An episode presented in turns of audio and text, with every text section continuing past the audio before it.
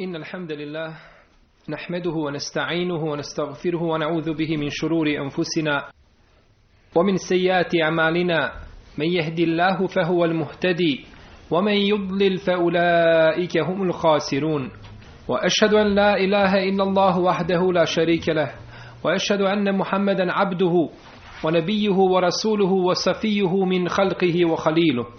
أدى الأمانة وبلغ الرسالة. ونصح الأمة وكشف الله تعالى به الغمة وجاهد في الله حق جهاده حتى أتاه اليقين.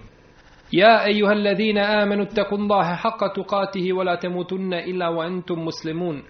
يا أيها الناس اتقوا ربكم الذي خلقكم من نفس واحدة وخلق منها زوجها وبث منهما رجالا كثيرا ونساء. واتقوا الله الذي تساءلون به والأرحام إن الله كان عليكم رقيبا. يا أيها الذين آمنوا اتقوا الله وقولوا قولا سديدا. يصلح لكم أعمالكم ويغفر لكم ذنوبكم ومن يطع الله ورسوله فقد فاز فوزا عظيما. أما بعد فإن أحسن الكلام كلام الله وخير الهدي هدي محمد صلى الله عليه وسلم وشر الأمور محدثاتها وكل محدثة بدعة وكل بدعة ضلالة وكل ضلالة في النار. Govorili smo, znači, draga moja braća, o sunnetu poslanika, sallallahu alaihi wasallame, govorili smo kakve su odlike i vrline prakse Allahovog poslanika Muhammeda, sallallahu alaihi wasallame. Kazali smo da je sunnet Allahovog vjerovjesnika, da je to kuća spasa. Ko uđe u tu kuću, spasio se i na Dunjaluku i na Ahiretu. Ako odbije ulazat u tu kuću, taj je propao i na Dunjaluku i na Ahiretu. Taj je propao znači na oba dva, na oba dva svijeta. Jer je uzvišeni Allah te barak je ispravnost imana i vjerovanja uslovio slijeđenje Muhammeda sallallahu alaihi wa alihi wasallam. Islamski učenjaci prave razliku između Islama ili Kur'ana i sunneta između islama i sunneta prave razliku. S jedne strane, u globalu to je jedna kompaktna cjelina koja se ne može razdvajati. Ne može opstati islam bez sunneta, niti može biti sunnet bez islama i bez Kur'ana. No međutim, kada govore o vrijednosti sunneta, onda islamski učenjaci razdvajaju sunnet od islama. Razdvajaju sunnet od islama. I mi ćemo potvrđujući ove riječi spomenuti nekoliko predaja koje ukazuju na to da su učenjaci prvih pokoljenja, pokoljenja pravili razliku između Kur'ana, odnosno Islama i Sunneta. Bileži Ebu Šejh u svome dijelu Tabakatul Muhaddithin bi Asbehan od Alija radijallahu ta'ala anhu da je rekao En ni'amu situn blagodati se mogu podijeliti u šest vrsta ili ima šest osnovnih blagodati. Ewaluha el islam. Prva ta blagodat jeste islam. I to je najveća blagodat uzvišenog Allaha te bareke o ta'ala. Wathanijetu el Kur'an. Druga blagodat je Kur'an. Wathalisetu Muhammedun sallallahu alaihi wasallame. Treća blagodat je Muhammed poslanik sallallahu alaihi wasallame. والرابع السنة je sunnet. To je četvrta blagodat po podjeli Alija radijallahu ta'ala anhu. Wal khamisatu al afije. I peta blagodat je zdravlje. Was sadisatu al ghina anin nas. Da čovjek bude neovisan, neovisan o ljudima. To je znači šesta, šesta blagodat. Pa vidimo ovdje da je Alija radijallahu ta'ala anhu kazao da je jedna blagodat islam, druga Kur'an, a treća sunnet. Poslanik sallallahu sallam, pa četvrta je li sunnet. I bileži Ibnul Džauzi u svome dijelu Menaqibul imami Ahmed i ovu predaju spominje imam Zehebi u Sijeru. Od imama El Mervozija kaže Kultu lebi Abdillah. Rekao sam, kaže Ebu Abdullahu, to jeste imamu Ahmedu. Men mate ala l'islami wa sunne, mate ala hajrin? Upitao sam ga, kaže, onaj ko umre na islamu i na sunnetu, Je li umro, kaže, na dobru? Pa mu kaže Imam Ahmed, uskut. Bel mate ale hajri kulli. Kaže, šuti. Takav je umro, kaže, na svakom dobru. Nije samo umro na dobru, nego je umro na svakom dobru. Odnosno, nema većeg dobra od toga da čovjek umre na islamu i na sunnetu, kako je to ovdje spomenuo imam Ahmed. I bileže imam Buharija i Ibnu Asakir, svaki u svojoj povijesti, od Omera ibn Abdul Aziza da je rekao Allahumme meti'ni bil islami wa sunneh wa barik li fihima. Gospodaru moj, učini moj život i učini u mome životu da se naslađujem sa islamom i sunnetom. Da mi to bude najdraže nešto. Sa islamom i sunnetom. Obarik li fihima i učini mi svaki blagoslov i bereket u njima. To jeste u islamu i u, i u sunnetu. I bilježe imam El i u svome dijelu šerhu usulili atikad ehli sunne od Abdullaha ibnu Šeira Zaza da je rekao Ra'ejtu fil menami ređulen mejiten džije lehu bi thijabin bejadin fekultu men hada. Vidio sam, kaže, u snu mrtvog čovjeka, kome su donijeli bijelu odjeću. Pa sam upitao ko je ovo. Fekile li, pa hada ređulun mate ale islami o sunne o neđa. Ovo je, kaže, čovjek koji je živio i umro na Kur'anu i na sunnetu pa je uspio. فلما ارتفع النهار جاء الخبر أن سفيان الثوري مات تلك الليلة Kaže pa kada je osvanulo toga dana, došla nam je vijest da je umro Sufjan Thauri. Znači, taj čovjek koga je on vidio u snu, to je bio Sufjan Thauri.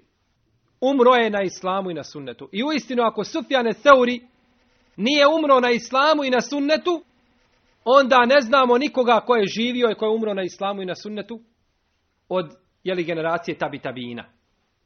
I bilježi Ebu Nuaym u svome dijelu El Hilije, Ibn Asakir u svojoj povijesti, Ibn Džauzi u dijelu Telbisu i Blis, od imama Eleuzaija kaže Ra'ejtu rabbel izzati fil menam. Kaže, vidio sam Allaha Đelešanuhu u snu.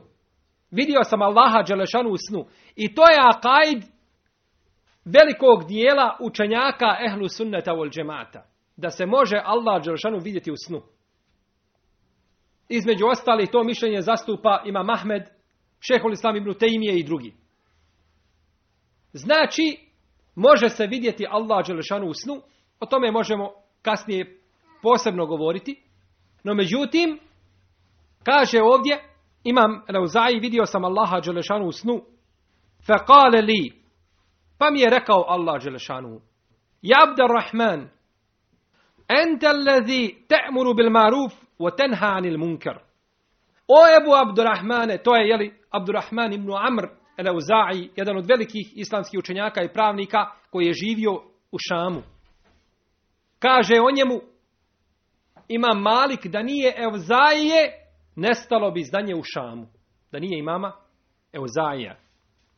Kaže Allah te barake o ta'ala, rekao je Euzaiji, o Abdurrahmane, ti si taj koji naređuješ dobro i odvraćaš od zla. Pa je rekao imam Euzaiji, bi fadlike ja rob, to je, kaže, tvoja dobrota prema meni, o gospodaru moj. Znači, pozivam ljude na dobro i odvraćam ih od zla tvojom dobrotom uzvišeni gospodaru. Thumme kultu, potom sam rekao Allahu Đelešanu, kaže imam Elauzaji. Ja robbi, emitni alel islam, usmrti me gospodaru moj na islamu. Fekale li, pa mi je rekao Allah Đelešanu, ale sunne, da te usmrtim na islamu i na sunnetu. Pa vidimo koliko su prethodnici pravili razliku između islama i sunneta kada govore o vrijednosti sunneta. Mi kada govorimo o islamu, onda Kur'an i islam i sunnet to je sve jedna cjelina koja se ne razdvaja. Ali kada se isključivo govori o specifičnostima i vrijednostima, odlikama sunneta, onda se sunnet odvaja, pa kažemo sunnetu pripada ovakvo mjesto. Bilježi imam Ibn Wadah u svome dijelu El Bid'a Wama jae fiha od Abdullaha ibn Mubareka radijallahu anhu da je rekao I'lam ehi en el meute li jevme kerametun li kulli muslimin leqi Allahe ale sunne. Znaj, kaže, dragi moj brate, da je danas pravi keramet za svakog muslimana koji sretne Allaha Đelešanuhu, a on na sunnetu. Keramet. Da čovjek umre, a da je na sunnetu. Ovo nam, draga moja braća, ukazuje koliko je mali broj sljedbenika sunneta. Pravi sljedbenika. Mi ne govorimo ovdje o sljedbenicima sunneta koji praktikuju 1, 2, 3, 5 ili 10 sunneta. Nego govorimo o sljedbenicima sunneta koji su sunnet uzeli za svoj životni put. Za sistem po kome žive. To je vjerozakonik moga života. Živim onako kao što je živio poslanik sallallahu alaihi wa alihi wasallam. Držim se toga i onda se smatram sljedbenikom sunneta.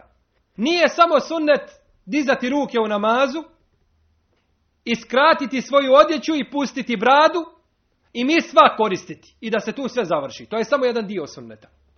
Dio, bitan dio sunneta, no međutim to nije sav sunnet. Sunnet je nešto puno, puno veće od toga. Sunnet je znači cjelokupni čovjekov život. Da ustaješ ujutro kako je poslanik sallallahu alejhi ve sellem ustaju. Tvoji obredi, tvoj rad, sve što činiš da bude onako kako je to činio Allahov poslanik sallallahu alejhi ve sellem, usklađeno sa sunnetom. A mi znamo kako su nama precizno prenešene poslanikove sallallahu alejhi ve riječi i djela. E znači ovdje kada spominjemo da je keramet onome ko umre na sunnetu mislimo na čovjeka koji je odabrao sunnet za svoj životni, za svoj životni put.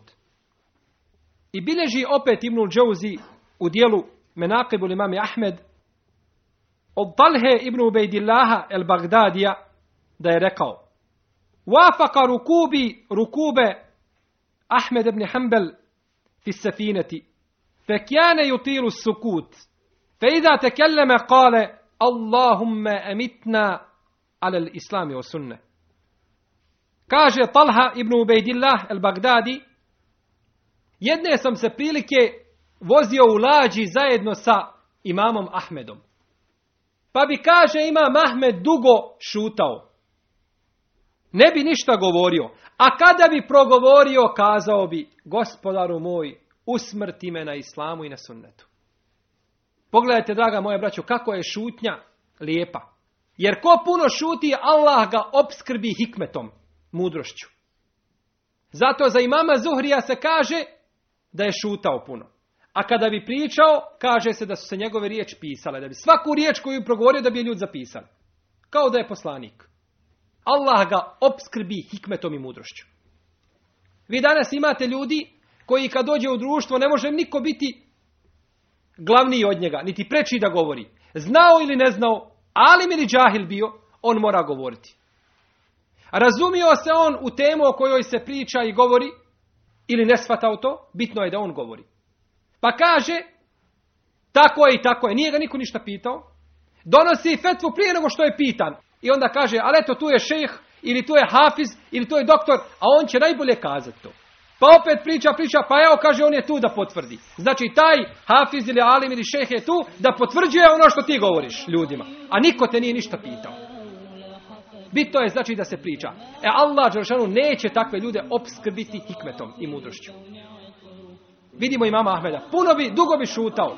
Ali ima li išta ljepše od ovih riječi imama Ahmeda? Allahu dragi, usmrti nas na islamu i na sunnetu. To znači Allahu moj, uvedi me u džennet bez polaganja računa. To je la ilaha illallah, Muhammedur Rasulullah. Usmrti me na islamu, nema Boga osim Allaha. Allahu sam samo predan. I na sunnetu, Muhammedur Rasulullah.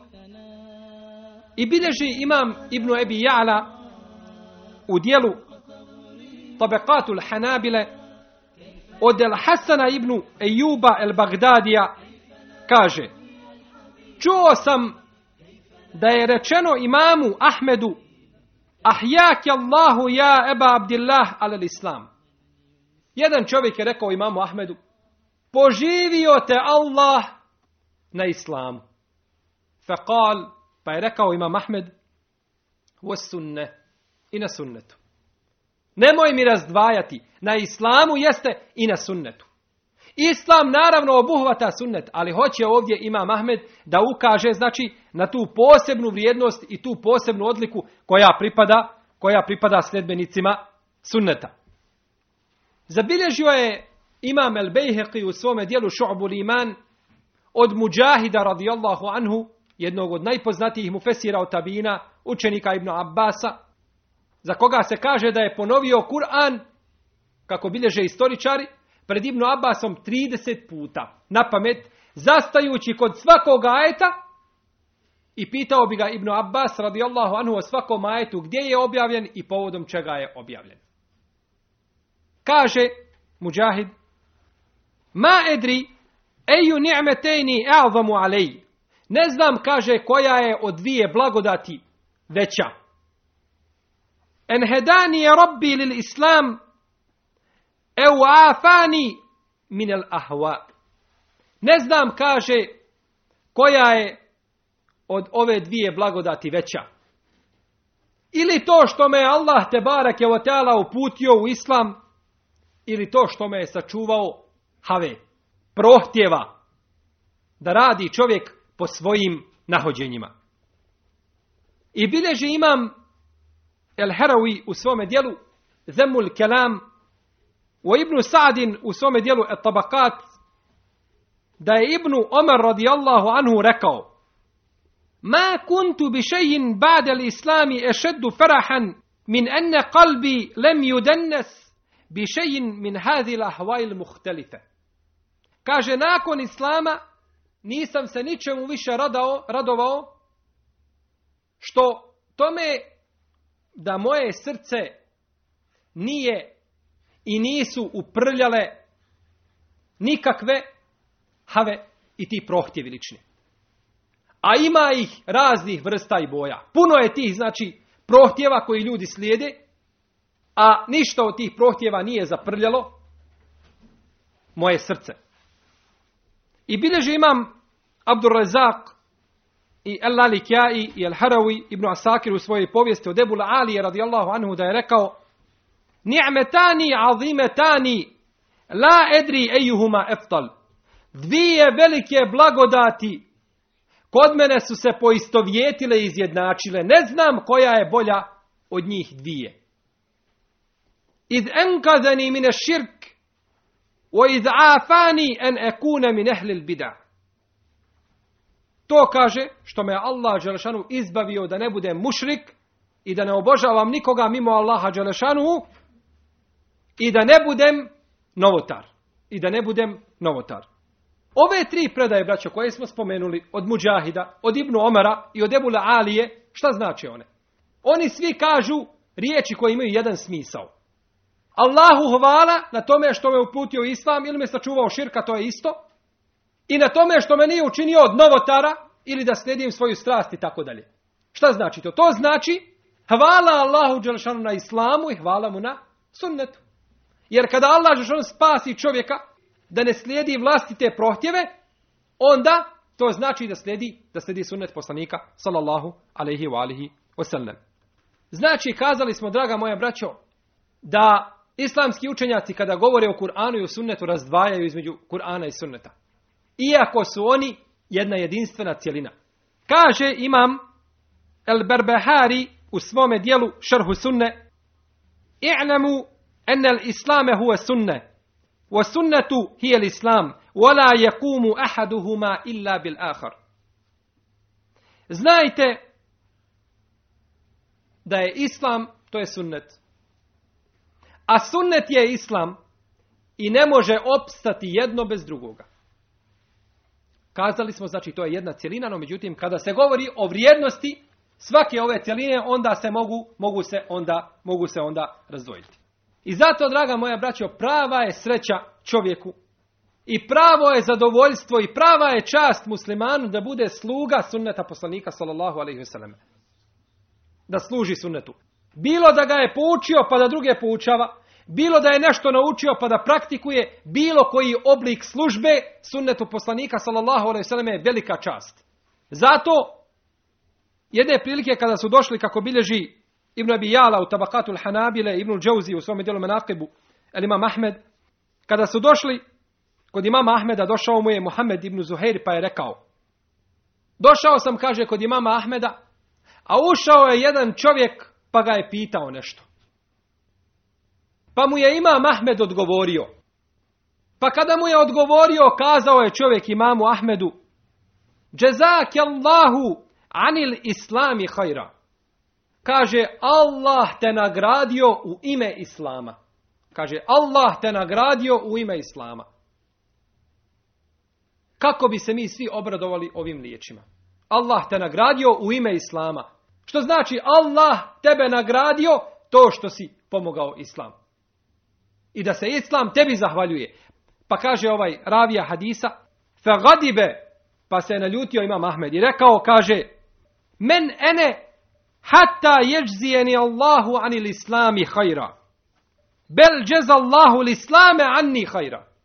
Kaže, ko sam ja da Allah mene nagradi u ime Islama. Već kaže, neka Allah Đelešanu nagradi Islamu moje ime. Islamu hvala u moje ime, a ne treba Islam meni zahvaljivati. Jer Islam je blagodat meni, a nisam ja blagodat Islamu. Jer Islam može opstati bez mene, ali ne mogu ja opstati bez Islama. Iste ove riječi se pripisivaju Omaru ibn Abdulazizu, kako to bilježi imam ibn Džeuzi u svojoj, u svojoj siri. Znači, braćo, iz ovih predaja vidimo vrijednost sunneta poslanika sallallahu alaihi wasallam i kako su to naše prve generacije razdvajale između islama i sunneta. Ljudi će, braćo, dolaziti na sudnji dan pred Allaha Đelešanuhu i Allah će im presuđivati. Sudit će im zbog dijela koja su činili. Neka će primati, a neka će odbijati. Ali znajte, braćo, da neće Allah Đelešanu ni od koga primiti dijelo, osim koje je urađeno putem sunneta poslanika sallallahu selleme koje je u skladu sa sunnetom neće Allah dželle ništa drugo primiti. To su ashabi dobro znali. I zato su se držali sunneta i nastojali da praktikuju pa čak i ono najsitnije od sunneta. Voljeli su poslanika sallallahu alejhi ve selleme više od bilo čega. Halid ibn Walid dolazi u jednu od bitaka i sa sobom nosi dlaku poslanika sallallahu alejhi ve selleme. Jednu dlaku ima sa sobom. I nju nosi i nikada je ne ostavlja. Bez nje ne ide u bitku, jer je znao da je u dlaki poslanika sallallahu alejhi ve selleme bereket i blagoslov. A o tome ćemo inshallah taala o bereketu i blagoslovu ćemo posebno govoriti uz Allahu pomoć u narednim znači predavanjima. A Umu Seleme kaže već 30 godina imamo jedan čuper kose od poslanika sallallahu alejhi ve selleme koga čuvamo 30 godina. Kaže kada bi se god neko razbolio od djece, donijeli bi vode, mi bismo umočili tu kosu u tu vodu i otišlo bi dijete, popilo tu vodu i odmah bi se izliječilo. Ili bi se okupalo tom vodom i odmah bi se izliječilo. To je bereket poslanika sallallahu alejhi ve selleme. To je ono što su ashabi razumjeli. A braćo, kakav je bereket materijalni u ovome da se čovjek može izliječiti i tako dalje, takav je bereket u sunnetu poslanika sallallahu alejhi ve selleme onaj duhovni. A kakav može bereket biti veći od toga da te Allah dželšanu zbog sunneta poslanika sallallahu alejhi ve selleme uvede u džennet? I zato je obaveza svakom muslimanu da nauči šta može od sunneta i da praktikuje to i da to u praksu sprovede. Ne vrijedi braća sunnet samo znati. Sunnet se mora praktikovati. Jer sunnet hoće praksu. Ova vjera je živa vjera koja hoće praksu i praktične obrede, a neće mrtvilo. Kao što je u drugim nevjerama, njihove ideologije i njihovi znači temeni, njihove osnove su mrtvilo. I ne moraju ništa ni raditi. Zbog toga njima je čudno kada se kaže da se mora u vjeri klanjati, da se moraju određena obredoslovlja činiti i tako dalje, to je njima čudno. Kažu, zar je to tako žestoko? Zato čovjeku kada dođe hadis poslanika sallallahu alejhi ve selleme ne treba da koristi svoj razum i da na osnovu svoga razuma onda donosi zaključke. Vi ste svi čuli za hadis poslanika, ali i salatu wasalam, koga bilježi imam Tirmizi u El Džamija i koga je zabilježio imam Ahmed ibn Tabarani, u kome se kaže da je Allah Đelšanu spustio El Hajarul Eswad, da ga je spustio iz dženneta, da je bio bijel, kao snijeg. Pa je pocrnio od ljudskih grijeha. Pa je pocrnio od ljudskih grijeha. Dođu sada neki pametnjakovići od muslimana, džahili i neznalice, pa kažu, u redu, ako je taj kamen pocrnio nakon što je spušten na zemlju, od ljudskih grijeha, zbog čega nije ponovo pobijelio u vrijeme poslanika, ale i salatu zbog pokornosti Allaha Đelešanu.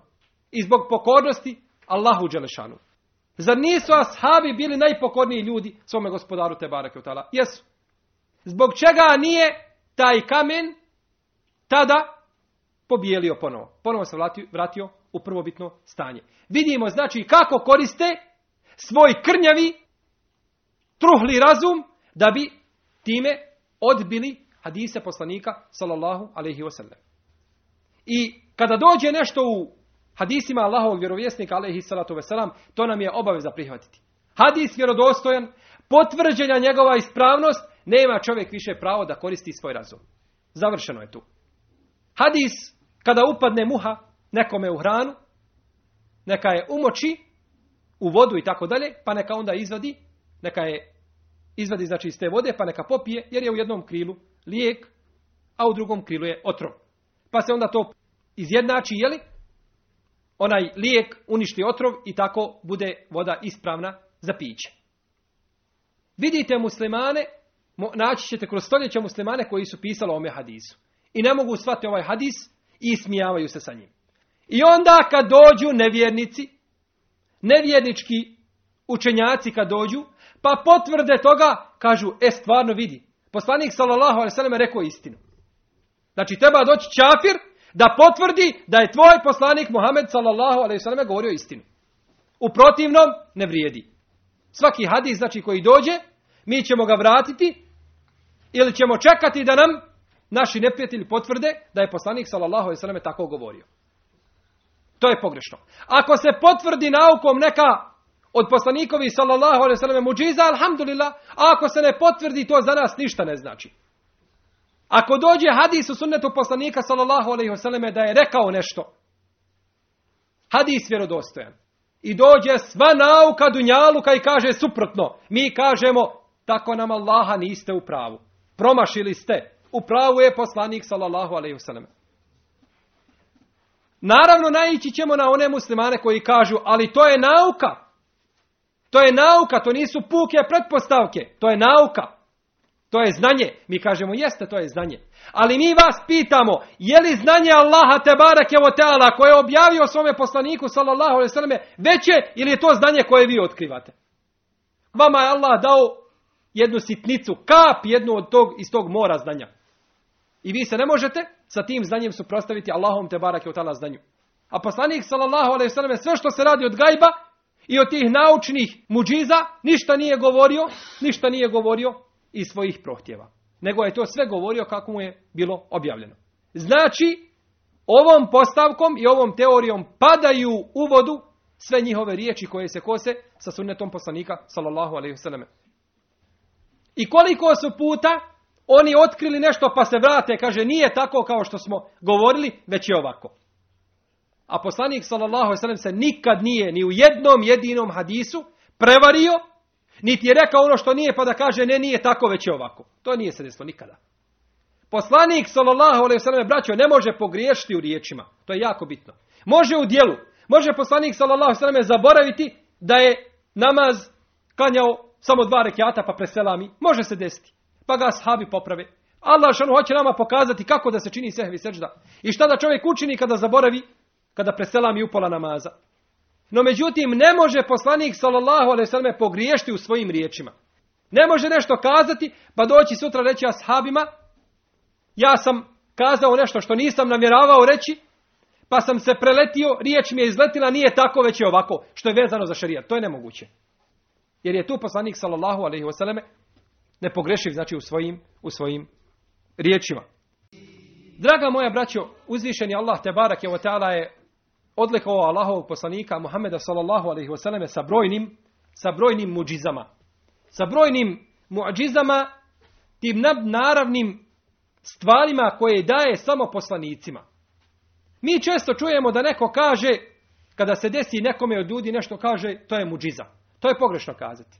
Muđize su isključivo za poslanike i vjerovjesnike. A za ljude su kerameti. Pa ako se desi nešto nekome od boraca na Allahovom putu ili čovjeku običnom desi mu se keramet, a može se desiti, onda kažemo to je keramet, a nije muđiza. Jer muđiza je ono što se ne može desiti nikome drugom nego poslaniku ili vjerovjesniku. A keramet se može desiti bilo kome od ljudi. Bilo kome znači od ljudi. Islamski učenjaci, draga moja braćo, spominju preko 1200 muđiza koje su date poslaniku sallallahu alaihi wasallam. 1200 muđiza. Kako navodi Imam Neovi u uvodnom dijelu svoga komentara na muslimov, na muslimov sahih. Brojne su te muđize. Mi ćemo ovom prilikom ograničiti se na one najispravnije, odnosno koje su prenešene do nas najispravnijim lancima prenosilaca, prvenstveno u dva sahiha kod Buharije i kod, i kod muslima. Pa bileže Buharija i muslim od Džabira, radijallahu anhu, a isto u predavi bilježe opet Buharija i muslim od Enesa u nešto skraćenoj verziji. Kaže Džabir, ljudi su ožednjeli na dan Hudejbije, bili su jako žedni. Pa je neko donio poslaniku sallallahu alaihi wasallam jednu malu posudu sa vodom. Pa kada su to vidjeli ljudi, svi su se okupili oko Allahovog poslanika sallallahu alaihi wasallam. Inače, braćo, tako se oshabi radili. Kada bi se našli u teškoj situaciji, kada bi ih nešto zabrinulo, onda bi se svi okupili kao djeca kada se okupljaju oko roditelja. Tražili bi utočište kod poslanika sallallahu alaihi wa wasallam. Pa su kazali, o Allahov poslaniče, mi nemamo, kaže, vode, nego to što ima kod tebe. Nemamo druge vode. To je sve što ima. A mi se trebamo abdestiti i trebamo piti. Pa je poslanik sallallahu alaihi wasallam uzeo tu posudu i stavio svoju ruku u nju. Kažu ashabi. Pa smo vidjeli vodu, kaže, kako izlazi između njegovih prstiju kao što izlazi voda iz izvora. Kao što izlazi voda iz izvora. Pa smo, kaže, prišli i pili koliko smo htjeli. I svi smo se, kaže, abdestili i još je, kaže, vode ostalo na pretek. Pa su upitali Džabira, kaže, koliko vas je bilo toga dana? Koliko vas je bilo kada ste svi abdestili iz tako male posude i pili? Kaže, da nas je bilo stotinu hiljada, bilo bi nam dovoljno. Da nas je bilo stotinu hiljada, to bi nam bilo dovoljno. Bilo nas je, kaže, tada, toga dana nas je, kaže, bilo hiljadu i petstotina. Hiljadu i petsto ashaba je pilo iz tako male posude. To je, znači, blagodat koju je Allah te barake od dao poslaniku sallallahu alejhi ve kroz jeli, tu muđizu da se povećava voda, odnosno da voda izlazi između njegovih prstiju. To je što se tiče vode. Što se tiče hrane, tu se također navodi više predaja muadžiza poslanika sallallahu alejhi ve da je hranio ashabe sa malo hrane. Pa bilježe Buharija i Muslim od Enesa ibn Malika radijallahu anhu da je rekao rekao je Ebu Talha Ebu Talha koji se zove Zaid ibn Sehl el Ensari rekao je kaže Umu Sulejm Umu Sulejm je njegova žena to je majka Enesa ibn Malika radijallahu anhu rekao je svojoj ženi Umu Sulejm kaže ja sam čuo nešto na čemu se ne mogu strpiti čuo sam kaže zvuk iz stomaka poslanika sallallahu alejhi ve koji ukazuje da je Allahov poslanik jako gladan. I kaže, ja se ne mogu strpiti. Poslanik, sallallahu alaihi je gladan, imaš li, kaže, nešto da mu daš? Pa je kazala, imam nešto ječma. Pa je napravila jednu malu pogaču i zamotala to u odjeću i poslala to po Enesu ibn Maliku, poslaniku, sallallahu alaihi Kada je došao Enes ibn Malik, našao je poslanika, sallallahu alaihi da sjedi sa svojim ashabima da sjedi sa svojim ashabima. Pa kada je došao Enes ibn Malik, rekao je poslanik sallallahu alejhi jel te kaže Ebu Talha poslao? Kaže, jeste.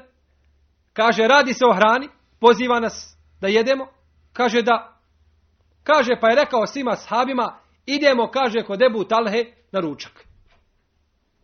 Pa su svi krenuli da jedu kod Ebu Talhe radijallahu ta'ala anhu.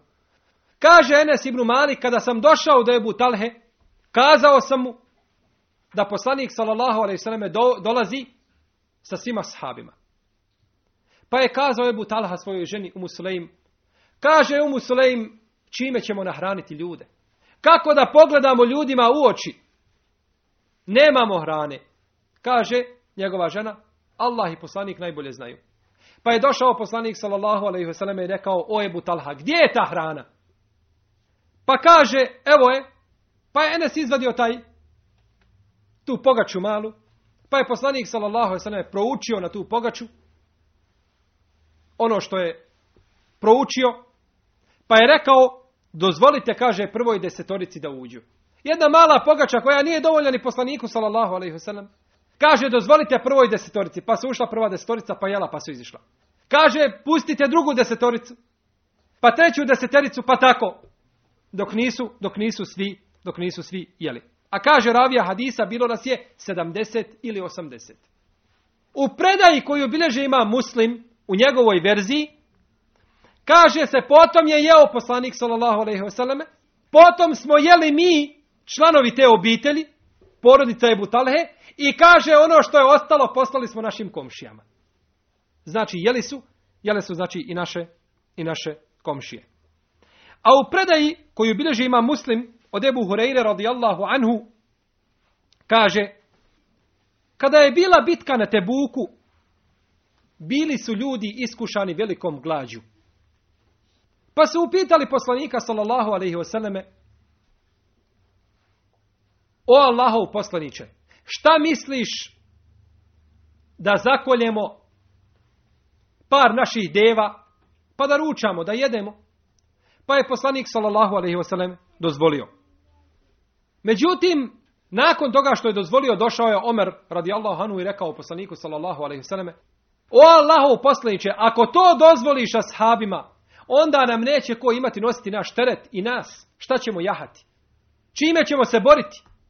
Jer su tada konji i deve bili i borbene životinje. Pored toga što su nosile teret, bile su i borbene životinje. Zato su neki islamski pravnici zabranili da se kolju konji u ratu. Jer su preći da budu tada da služe za borbu nego za hranu. Pa kaže Omer radijallahu anhu, o Allahov poslaniće, ako to dozvoliš, nećemo imati deve koje će nositi našu, našu robu i naš teret. Već ti, o Allahov poslaniće, kaže Omer, dovi Allahu Đelešanuhu da on nama da bereket u našoj hrani. Vidimo kako su ashabi već poznavali taj sistem, sistem bereketa poslanika sallallahu alaihi i njegove dove. Pa je kazao Allahov poslanik, dobro, dobro Omere. Donesite, kaže jedan prostirač, jedno bijelo platno koje su prostirili ispred poslanika sallallahu alaihi i neka svako donese ono što ima od hrane kaže ravija hadisa Ebu Hureyre, pa su ljudi počeli donositi. Neko bi donio pregršt datula, neko bi donio pregršt ječma, neko bi donio, znači sve nešto mizerno, dok se kaže ispred poslanika sallallahu alejhi nije nakupilo nešto malo hrane. Kaže pa je poslanik sallallahu alejhi proučio dovu. Pa je rekao donesite sve posude koje imate, vojska, sve posude koje imate donesite i vamo. Kaže pa smo donijeli sve posude pa smo ih svi napunili. Sve posude koje su bile uz nas, kaže sve smo ih, sve smo ih napunili. Napunili smo te posude i jeli smo, kaže, dok se nismo sve, dok se nismo svi zasitili. Pa kaže poslanik sallallahu alejhi ve tada je rekao: "Svjedočim da sam ja Allahov poslanik. Svjedočim da nema drugog Allaha, svjedočim da nema drugog Boga osim Allaha te barake o i da sam ja njegov rob i njegov i njegov poslanik." Također Uzvišeni Allah te barak je je počastio našeg poslanika sallallahu alejhi ve sa muđizama sa kojima je liječio ljude koji su obolili. Jedne prilike kako bilježe Buharija i Muslim od Sehla ibn Sada, rekao je poslanik sallallahu alejhi ve kada je bila bitka na Hajberu, daću, kaže, ovu zastavu čovjeku koji će Allahovom voljom donijeti vama pobjedu. Pa su svi ashabi ustali i svako je očekivao da će biti taj kome će poslanik sallallahu alejhi ve dati tu zastavu, tu baklju. Pa je upitao gdje je Alija? Gdje je Alija radijallahu anhu? Pa su kazali, o Allahov poslaniće, ješteki ajnej. Kaže, žali se na svoje oči, oči ga bole. Ne može gledati na njih. Pa ga je pozvao poslanik sallallahu alaihi wasallame i pljunuo u njegova oba dva oka. Pljunuo. Pljuvačka poslanika sallallahu alaihi wasallam je Mubarek. Pa je pljunuo u njegovo desno pa u lijevo oko. Kaže Alija radijallahu anhu pa tako mi Allaha kao da mi se nikada ništa nije ni desilo. Kao da nikada nisam osjećao bol u svojim, u svojim očima. I bilježe opet Buharija i Muslim u priči Abdullaha ibn Utejika radijallahu anhu da je rekao jednom sam kaže slomio svoju potkoljenicu. Slomio sam potkoljenicu pa sam je zavezao nekom gazom i nisam mogao hodati na svojoj nozi. Pa kada je to čuo poslanik sallallahu alaihi wasallame, pozvao me i rekao, kaže, pruži svoju nogu. Kaže Abdullah, kaže, pa sam pružio svoju nogu. Kaže, pa je dotakao moju nogu svojom rukom. Kaže, tako mi Allaha kao da nikada moja noga nije više slomljena bila. Iz tog momenta, dok je dotakao poslanik sallallahu alejhi svojom rukom nogu Abdullaha, kaže kao da ta noga nikada više nije bila ni slomljena. Također bereket dove poslanika sallallahu alejhi ve koji je činio ashabima. Bilježi ima muslim u svome sahihu od Enesa ibn Malika kaže da je njegova majka tražila od poslanika sallallahu alejhi ve da mu dovi. Da poslanik sallallahu alejhi ve dovi Enesu radijallahu anhu. Pa je rekao poslanik sallallahu alejhi ve selleme Allahumme ekthir malehu wa walade. Gospodaru moj, povećaj mu njegov imetak i njegov porod.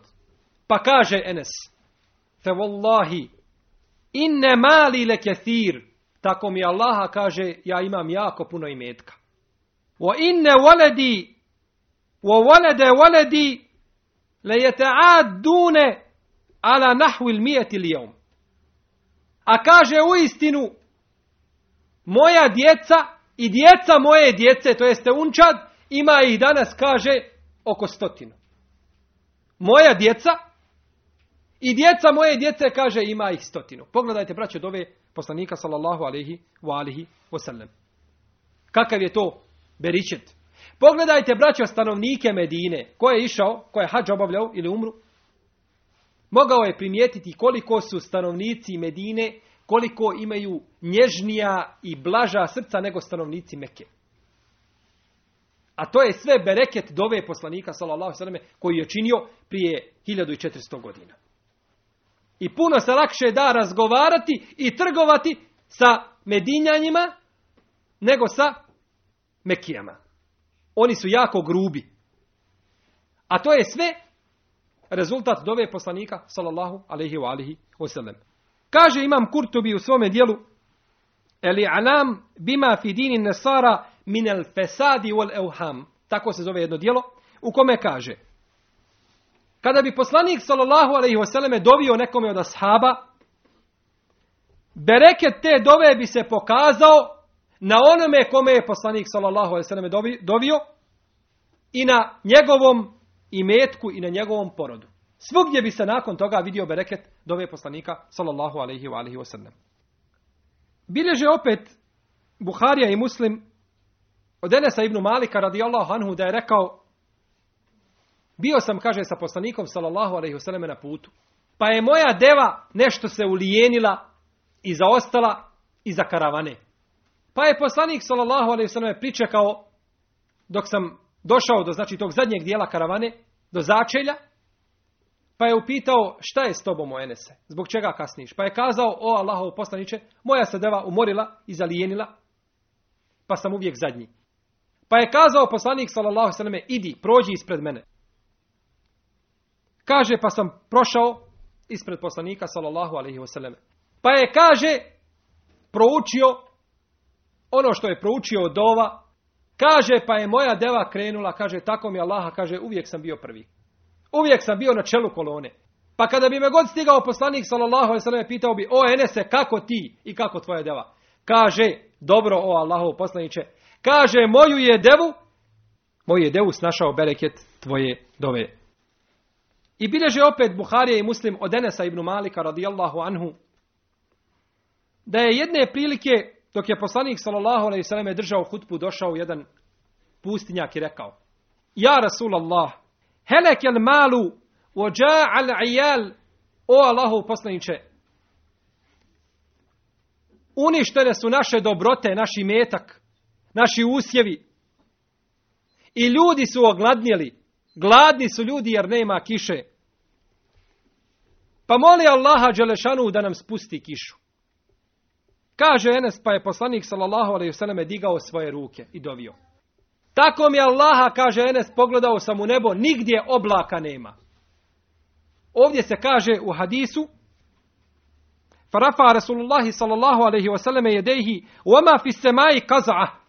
Kaza'a u arapskom jeziku je jedan dio oblaka. Znači, nema ni najsitnijeg, ni najmanjeg oblačka na nebu. Nema ništa. Čisto vedro nebo.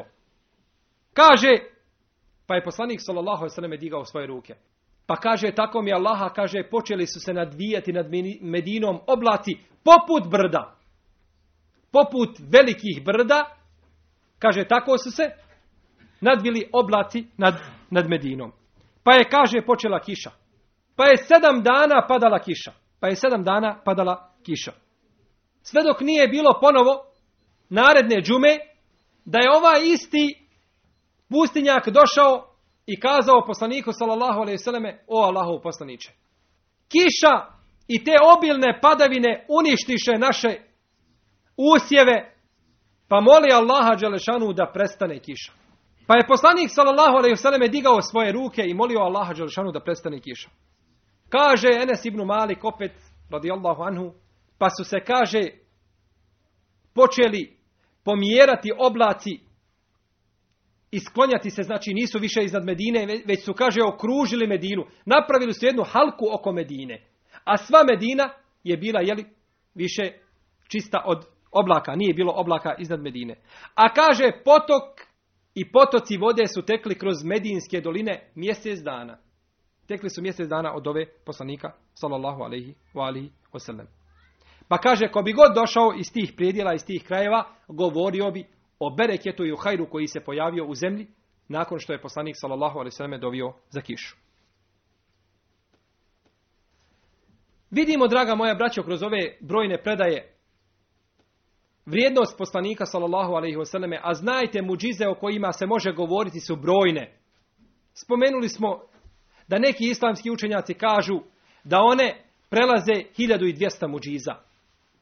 Ali ovo sigurno što smo spomenuli iz najvjerodostojnijih hadijskih zbirka, najvjerodostojnijih hadijskih zbirki, su predaje koje ukazuju na vrijednost našeg poslanika Muhameda sallallahu alejhi na odliku i na vrlinu kojom ga je uzvišeni Allah te bareke u ta'ala počastio. Kada bi ovaj poslanik Muhammed sallallahu alejhi bio obični čovjek, da nije poslan od Allaha dželešanu, a imao ovakve vrline, u istinu bi bilo pravo zadovoljstvo i bila bi prava čast slijediti takvog čovjeka. I hvaliti se da takav čovjek postoji ome umetu. Pa šta mislite, draga moja braćo, kada je to se bilo Allahovom Đelešanu odredbom i njegovom voljom kao poslaniku, ne kao običnom čovjeku. Koga smo obavezni slijediti? Jer obične ljude nismo obavezni slijediti koliko god oni bili bogobojazni i koliko god bili učeni, nismo ih obavezni slijediti. Ali poslanika sallallahu alaihi wasallam jesmo. Pa zato ne preostaje, draga moja braćo, muslimanima današnjice, ništa drugo. Nemaju drugog izlaza i nemaju drugog puta, nego da se vrate sunnetu Allahovog poslanika, sallallahu alaihi sallam, da ga poučavaju, da ga praktikuju, da ga na druge prenose, da druge pozivaju sunnetu. I onda će sigurno uzvišeni Allah te barake o ta'ala promijeniti naše stanje. Jer neće Allah Đelešanu promijeniti stanje jednog naroda dok taj narod ne promijeni samog sebe. O sunnetu poslanika sallallahu alejhi ve selleme ćemo nastaviti govoriti inša Allahu te barake wa ta'ala.